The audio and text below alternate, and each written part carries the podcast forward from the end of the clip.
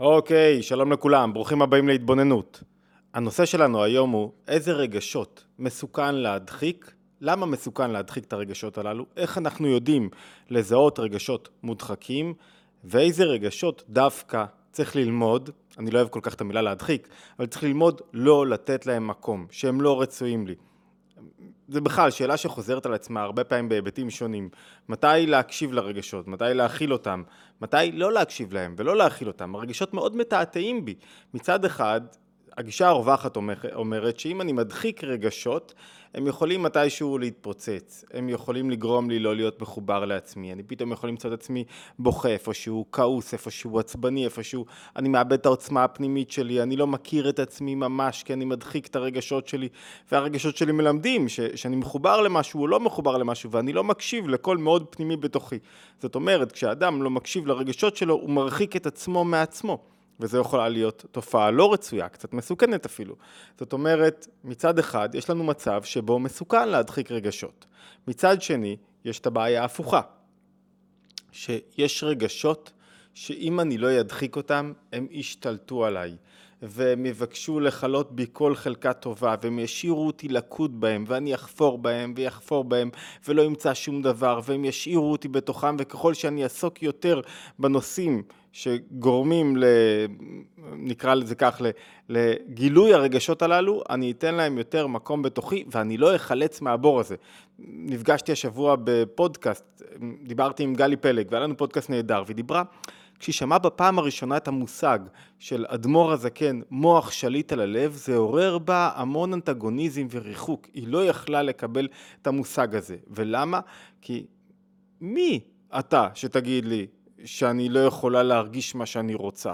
מי יגיד לי שאסור לי להישאר עכשיו בתוך עצבות? בא לי עכשיו להיות עצובה ואני חושב שזה לגיטימי ואני רוצה להישאר במקום העצוב הזה, אני רוצה להישאר במקום הקורבני שלי, אני רוצה להישאר, אף אחד לא יגיד לי מה להרגיש. זאת אומרת, חלק מהחירות שלי, מהחופש שלי, מהעצמאות שלי, זה שאנשים לא יגידו לי מה להרגיש. ומישהו, כשאומרים לו מה להרגיש, או כשאפילו המוח שלו, השכל שלו אומר לו מה להרגיש, זה מוציא אותו מהכלים. למה? כי כאילו, אני, אני חייב עכשיו לשלוט במשהו, ברגשות שלי, הרגשות שלי זה אני, הרי מה זה אגו? אגו זה המקום שבו אני מרגיש, זה הישות שלי. ואני לא רוצה שאף אחד ייקח לי את האפשרות, את החירות להרגיש, ולהרגיש מה שאני רוצה. ואפילו לא השכל שלי או הרצונות שלי לא יכתיבו לי את הרגשות שלי. וברגע שאני, ברגע שניסתה את השיטה, את הרעיון של מוח שליט על הלב, שהאדמו"ר הזקן הבינה במה מדובר והבינה את התועלות שבזה והבינה באיזה רגשות המוח צריך לשלוט ואיך ומה הכוונה לשלוט ברגשות, זה מונח לא פופולרי לשלוט ברגשות. כי כשאתה אומר לשלוט ברגשות, הסברנו קודם, אתה אומר שאתה צריך לווסת את הרגשות שלך, את הכיוון שלהם. ואני לא רוצה את זה, אני רוצה להרגיש חופשי ומשוחרר, לתת לרגשות שלי ללכת לכל מיני מקומות. אלא שיש לזה מחיר, כשאתה נותן לרגשות לנוע בכל הכיוונים. אז השאלה שלנו היום היא, איזה רגשות?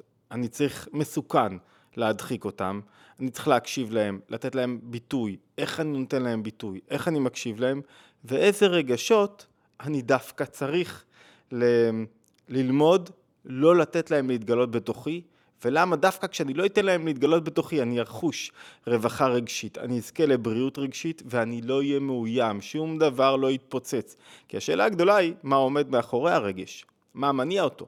הרי אנחנו אומרים שאם רגש עתיד להתפס... להתפוצץ או לגרום לי לבעיה רגשית כלשהי בגלל שאני מדחיק אותו, אז השאלה היא לא מה הרגש, אלא מה הסיבה לרגש.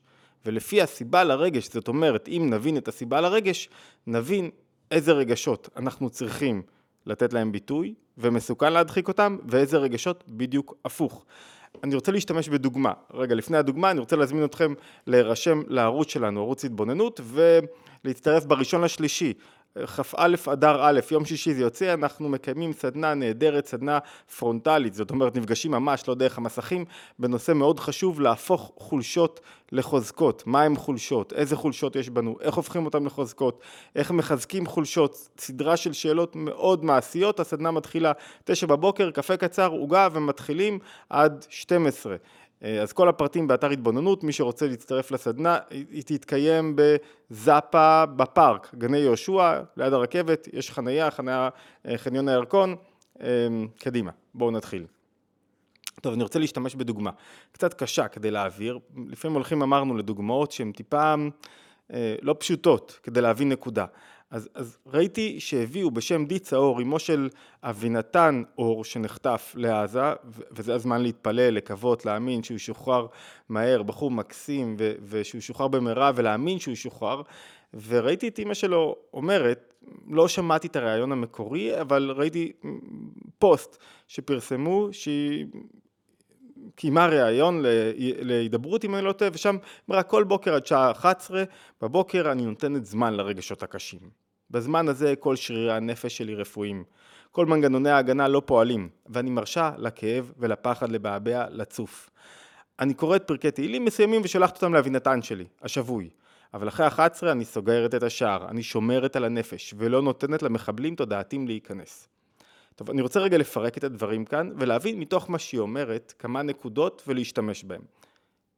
על מה אין ויכוח? עד מהשעה 11 אין ויכוח. לפעמים אם יש משהו שאתה חושב שהוא מחבל תודעתי, שיפיל אותך למטה, שיוריד אותך, צריך לסגור לו את השער, וצריך ללמוד איך לסגור לו את השער, לא לתת למחשבות הללו להיכנס.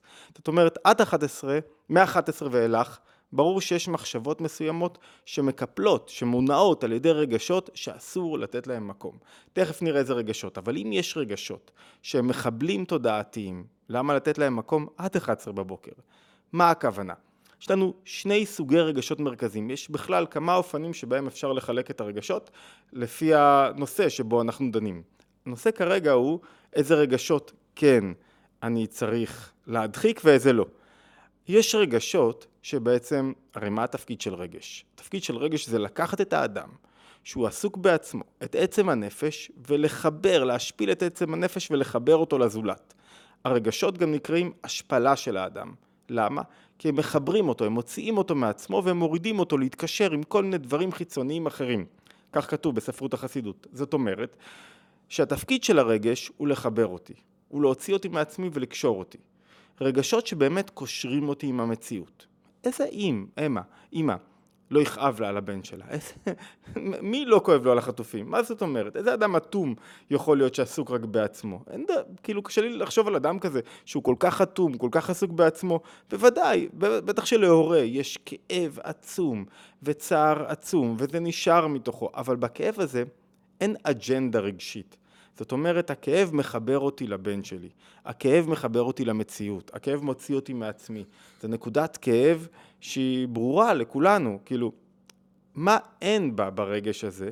זה רגש שהוא לגיטימי, וזה רגש שלא יפיל את האדם, וזה רגש שמאפשר לי, כמו עם השיחה עם מרים פרץ מלפני שבוע-שבועיים, יאפשר לי, כל הורה, שהבן שלו חס ושלום, חס ושלום חטוף, הוא נשאר, הוא לא יכול להעלים את הכאב הזה, הוא לא יכול לסגור אותו לא אחרי 11 ולא ב-11 ולשום שעה, הכאב נשאר בתוכי. אלא מה? הכאב הזה לא משתלט על כל מערכת הרגשית שלי. למה? כי יש סוג אחר, תכף נבחן רגע את שני סוגי הרגשות הללו שבהם מדובר. יש סוג אחר של רגשות שיש להם אג'נדה. מה זאת אומרת אג'נדה? הם רוצים לשים אותי מאוד במרכז, ויש בהם מאחוריהם אני קורבן, למה זה קרה דווקא לי, עצבות גדולה מאוד שאני לא, שזה אני אכלתי אותה, ואני, ו, וכל מיני רגשות שמכווצים אותי וסוגרים אותי ומכניסים אותי לדיכאון ומונעים ממני את התכלית של רגשות. מה אמרנו התכלית של רגשות?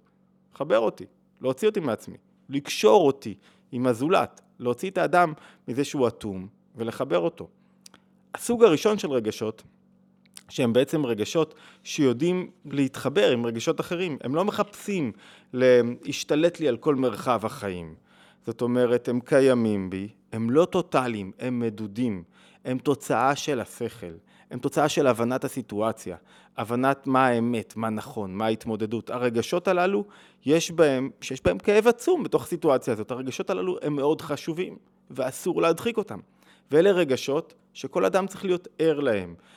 לא יכול להיות אדם, אם אנחנו בהקשר של חטופים, שהוא כהה חושים, אטום, עכשיו, שהוא יושב בבית המחומם שלו והוא לא עוברת לו מחשבה, והוא לא מקיים, זו נקודה שבו הוא חושב על 136 חטופים. מה זאת אומרת? אסור, אסור לסגור את הרגשות הללו. הרבה פעמים אסור גם להדחיק רגשות שיחברו אותי למשפחה שלי, לילדים שלי, לעם שלי, למה שאני לומד. אלו רגשות מאוד חשובים. הרגשות הללו הם תוצאה של השכל, הם תוצאה של התבוננות, תוצאה של הבנת הסיטואציה, תוצאה של יציאה מעצמי. אמרנו, אין להם אג'נדה כי הם לא באים לשרת אותי, הם באים להוציא אותי מעצמי. לעומת זאת, הרגשות האחרים, שאמרנו שהם, שיש להם מאפיין שהם לא מחברים אותי, הם מנתקים אותי, הורה, שחס ושלום חווה איזה חוויה כלשהי, או כל אדם, בארבעה חודשים הללו, אם הוא לא ילמד לסלק את הרגשות הללו, הם יכריעו אותו. ויכריעו אותו הכוונה שהוא ישלם מחירים מאוד קשים שבמקום לחבר אותו לעולם, במקום להחיות דרכו, ש, שחס ושלום נגיד הורה איבד ילד, או שהוא צריך ל, ל, לשמור עליה, או לעשות משהו, אז במקום להשתמש ברגשות נכונים כאב תמיד יישאר שם, אבל להשתמש ברגשות נכונים כדי שיניעו אותו לפעולה, שהילד שחס ושלום הוא איבד, יחיה דרכו, אם הוא לא ידע לדחות את הרגשות הללו, הם ישתלטו עליו. ואין כזה דבר לסגור את הרגשות הללו עד 11 ואז לפתוח. אין דבר כזה שמישהו נותן לעצמו, הרי עצבות זה רגש, מה מאפיין עצבות בשונה מכאב על הזולת, על האחר? עצבות זה רגש שיש שם הרבה אני, ועכשיו בואו נרד רגע מה, מהמצבים הקשים למצבים יומיומיים, לפעמים רוב הפעמים אדם עצוב בלי סיבה סתם, או סיבות קטנות, הוא פתאום מקנא במישהו שמצליח יותר, שיש לו יותר אה, אה, כסף, או יותר הצלחה בפייסבוק, או יותר דברים מסוימים, ופתאום זה שובר אותו ומקשה עליו את החיים, פתאום מרגיש עצוב, הוא מרגיש שהוא לא מוצלח, ו, והכל סביב עצמו. והרגש הזה אי אפשר לסגור אותו ב-11, למה? כי הוא שואף להתרחב. הוא לא רוצה להישאר במקום שלו, הוא רוצה להשתלט על הנפש. אתה לא יכול להגיד לו 11 ודי. כל מי שסובל מרגש כזה לא רצוי, שלא מקדם את האדם, יודע שהרגש הזה, אם הייתי יכול רק לסגור אותו בשעה מסוימת, וואו, הלוואי, אין דבר כזה. מה זאת אומרת? זה כמו לעשן רק סיגריה אחת. אני, יש כאלה שאומרים שהם מסוגלים לעשן סיגריה אחת. רוב האנשים לא מסוגלים. למה? כי אחת מובילה לעוד אחת, עוד אחת. פתאום האדם מוצא את עצמו חוזר לעשן, מעשן קופסה.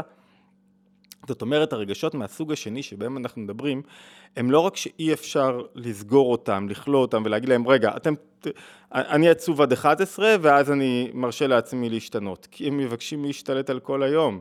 כשמישהו מרשה לעצבות להתפתח בתוכו בלי הבחנה היא תחולל בו, יהיה לו, אני אהיה פחות טוטאלי, יהיה לו קשה אחרי זה מאוד לסגור את השיבר לעצבות ולהחזיר את השליטה על העולם הרגשי שלו ולכוון את הרגשות שלו ולא רק זה, הרגשות הללו גם משאירים רשימו.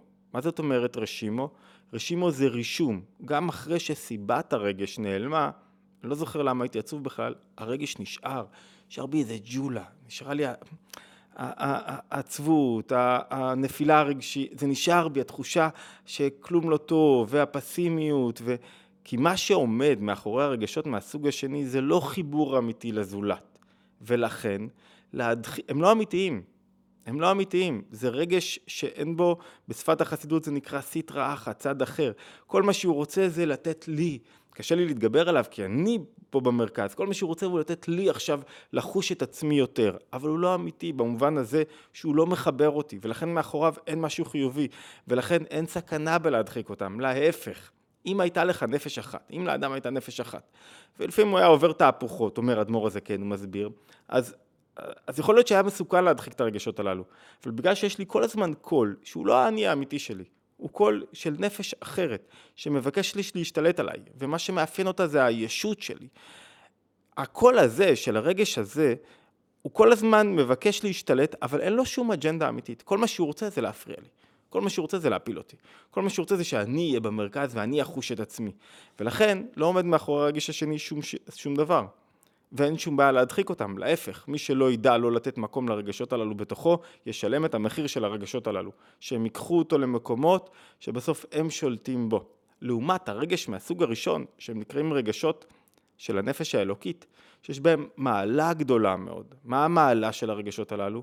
אחד, שהם מחברים אותי, לזולת, למקום שבו אני נמצא, לאנשים אחרים, הם מאירים אותי, הם מקור אנרגיה טובה, זה כמו לאכול אוכל בריא לעומת uh, פחמימות ריקות. הם, הם אוכל, הם, הם, הם דבר בריא ונכון, ולא רק שהם מחברים אותי, הם מדודים. לכן הרגשות הללו נקראים בספרות היהודית מידה. הם מדודים, הם לא ילדותיים, הם בוגרים, הם מי לא כואב לו? מה זאת אומרת? אתה צריך שיכאב לך, צריך שיהיה בנו רגשות מסוימים. זה לא עצבות למשל של, שמובילה אותי לפסימיות ולדיכאון ולשקיעה בתוך עצמי, בדיוק הפוך. זה עצבות שמובילה אותי, או כאב שמוביל אותי ליציאה מעצמי, ולפעולה ולעשייה, וזה המבחן שלהם. זאת אומרת, אבן הבוחן בין הרגשות מהסוג הראשון לרגשות מהסוג השני, זה מה התוצאה. רגשות מהסוג הראשון מניעים אותי לאחר שהרגש יתעורר לפעולה, לחיבור, לעשייה, להתקרבות, ליציאה, לרצון לפגוש אנשים. רגשות מהסוג השני מובילים אותי בדיוק להפך, לשקיעה, להסתגרות, לריחוק, לאני לא רוצה להתחבר. ולכן, אותם, ככל שאני אסלק אותם את הרגשות מהסוג השני, אני אחוש רווחה, ובריאות רגשית, וצמיחה, וזה חלק מהניצחונות של האדם, כי הם מתעתעים בי, הם, הם כל הזמן ייכנסו ויגידו, רגע, אבל מה איתך? אבל למה זה קרה דווקא לך? קשה מאוד לייצר את ההפרדה הזאת, כי, כי בעצם הרגשות מהסוג השני רוכבים על הרגשות מהסוג הראשון. הם מחפשים לגיטימציה. מה הלגיטימציה? תן לי להרגיש. תן לי להיות במרכז. למה זה קרה דווקא לי? כשמישהו יעסוק בכל התמודדות עם למה זה קרה דווקא לי, הוא לא יצא מזה. מה אתה רוצה הסברים? כל הסבר שתיתן לו הוא יגיד לא, אבל זה, אבל ההוא, אבל זה, אבל למה? הוא לא יצא מה, מהבור הזה, הוא יישאר ויכרות ויחפור עוד עוד עוד עוד ויתחפר ולא יצליח לצאת מהבור הזה. ואם מישהו יוצא מהמקום למה זה קרה דווקא לי, מהמקום שהוא מאוד מציב את עצמו במרכז, הוא פתאום יצליח לסלק את הרגשות הללו, להגיד להם לא לא לא, עצבות, לא עכשיו. אין, אין, מה אני אעשה עם העצבות הזאת? לאן היא תוביל אותי? מה, איך היא תקדם אותי? ברור שכואב לי, אבל היא תעזור לי במקרה של אה, די צהור לשחרר את הבן שלי, לעשות קמפיין, כל מה שצריך כדי לשחרר, לשחרר לו אנרגיות טובות. איך אתה משחרר אנרגיות טובות אם אתה בעצבות ובדיכאון ובחרדה? איזה אנרגיות טובות? זה לא אנרגיות טובות. כדי להעביר, אני לא מדבר במקרה הספציפי כמובן, אה, כדי להעביר אנרגיות טובות, אני חייב לחוש בטוב ולהאמין בטוב. ולהאמין שהוא, ש, שהדברים יקרו טוב. עכשיו, עוד פעם, זה גם בחיי היום-יום, בכל דבר ועניין. רוב מקרי העצבות שאנחנו נתקלים בהם, בלי סיבה אמיתית. מחפש את הסיבה, אבל אין סיבה אמיתית. זה לא שיש סיבה אמיתית, אלא אני מחפש סיבה, ואני מתחיל עכשיו על הסיבה הזאת להלביש הכל. אבל אין סיבה אמיתית. ואם אני יודע שאני צריך תנועה נפשית של לסלק, להדחיק את הרגשות הללו, ולא יתפוצץ כלום אם אני לא אתן להם מקום. העצבות והחרדה, מבחן פשוט, תיקחו מישהו את החרדות שלו, הוא יחיה טוב יותר או פחות טוב? הוא יחיה טוב יותר. מה זאת אומרת? ברור שהוא טוב, כי החרדות הללו לא מתגלות נכון בו. ברור שהוא טוב, תיקחו ממנו את העצבויות ואת, ה, ואת הכעסים, הוא יחיה טוב יותר או פחות טוב? ברור שהוא יחיה טוב יותר. משהו יחסר בו? לא יחסר בו שום דבר. הוא יהיה אדם נעים יותר לסביבה, ואדם שמח יותר, ואדם בריא יותר, הוא יהיה אדם שמח יותר ובריא יותר. אז על מה אתה נלחם? על הזכות להרגיש? כן. זכות להרגיש. הרבה פעמים אנשים לא רוצים שיקחו להם את ה... אני מרגיש שאני קיים, זה אני, זה החירות הכי גדולה שלי. קח לי הכל, אל תיקח לי את האפשרות להרגיש. לא לוקחים לך את זה. אומרים, יש רגשות מסוג שני ויש רגשות מסוג ראשון. את האמת שבתניא הסדר שלהם הפוך. הרגשות הטבעיים, האגוצנטריים, הלא רצויים הם דווקא הראשונים, שמתגלים כי הם טבעיים, מתגלים ממילא. לא צריך לעשות מאמץ כדי לגלות, לא צריך לעשות מאמץ כדי להיות עצוב, לא צריך שיקרה לי שום דבר כדי להיות עצוב. אני יכול לקום בבוקר כל בוקר ולהיות עצוב, בלי שום סיבה. כדי להיות שמח בבוקר, למרות שיש לי את כל הסיבות, אני צריך לעבוד על עצמי. צריך לשנות תודה. זאת אומרת, הרגשות מהסוג השני מתגלים במילא, הם טבעיים בנו, אנחנו צריכים ללמוד, לא לתת להם לכבוש אותנו. הם יבואו כל פעם, ידפקו על החלון וידפקו על החלון. למה? כי הם נותנים לי להרגיש את עצמי כאילו. והאדם שטוב לו הוא אדם שפחות מרגיש את עצמו. הוא אדם שהוא בתנועה, הוא אדם שהוא עושה, אדם שהוא יוצר. ולכן צריך לעשות הבחנה מאוד גדולה בין רגשות שאסור לי להדחיק, שהם רגשות שהם המנוע שלי. מה זאת אומרת? לחוש מישהו אחר, לראות, להתחבר, לגלות, כאילו זה המטרה של רגשות, שאני פתאום מרגיש בכאב של מישהו, בצער שלו, בשמחה של מישהו, ללכת לראות מישהו שמח, לשמוח איתו, לרקוד איתו, אתה מרגיש אותו באמת, אתה חש אותו, לראות מישהו שקשה לו עכשיו ואתה עוזר לו, אתה מרגיש אותו, ללמוד משהו, להבין, להרגיש את, את, את התובנות שעולות מתוך הדבר, זה תנועה אדירה בנפש, שהיא תנועה של חיבור, אלה רגשות רצויים. הם לא ישתלטו לך על הנפש. אין מה לדאוג. הם רגשות בריאים שמניעים אותנו, הם מדודים, הם יודעים להתקלל והם עושים עבודה טובה בנפש. לעומת הרגשות מהפחמימות הריקות שרוצים להשתלט. אוקיי, הגענו למכסת ה-20 דקות, התבוננות יומית, הזמנתי אתכם כבר להירשם לערוץ אם אתם מחוברים לצלילה היומית לתורת הנפש ביהדות, כדי להפיק עצות פרקטיות מתורה עתיקה, מסודות עתיקים של תורה עתיקה לחיי היומיום, וכמובן אפשר להצטרף לשאר הפעילויות שלנו באתר התבוננות, להשתמע בהתבוננות היומית הבאה.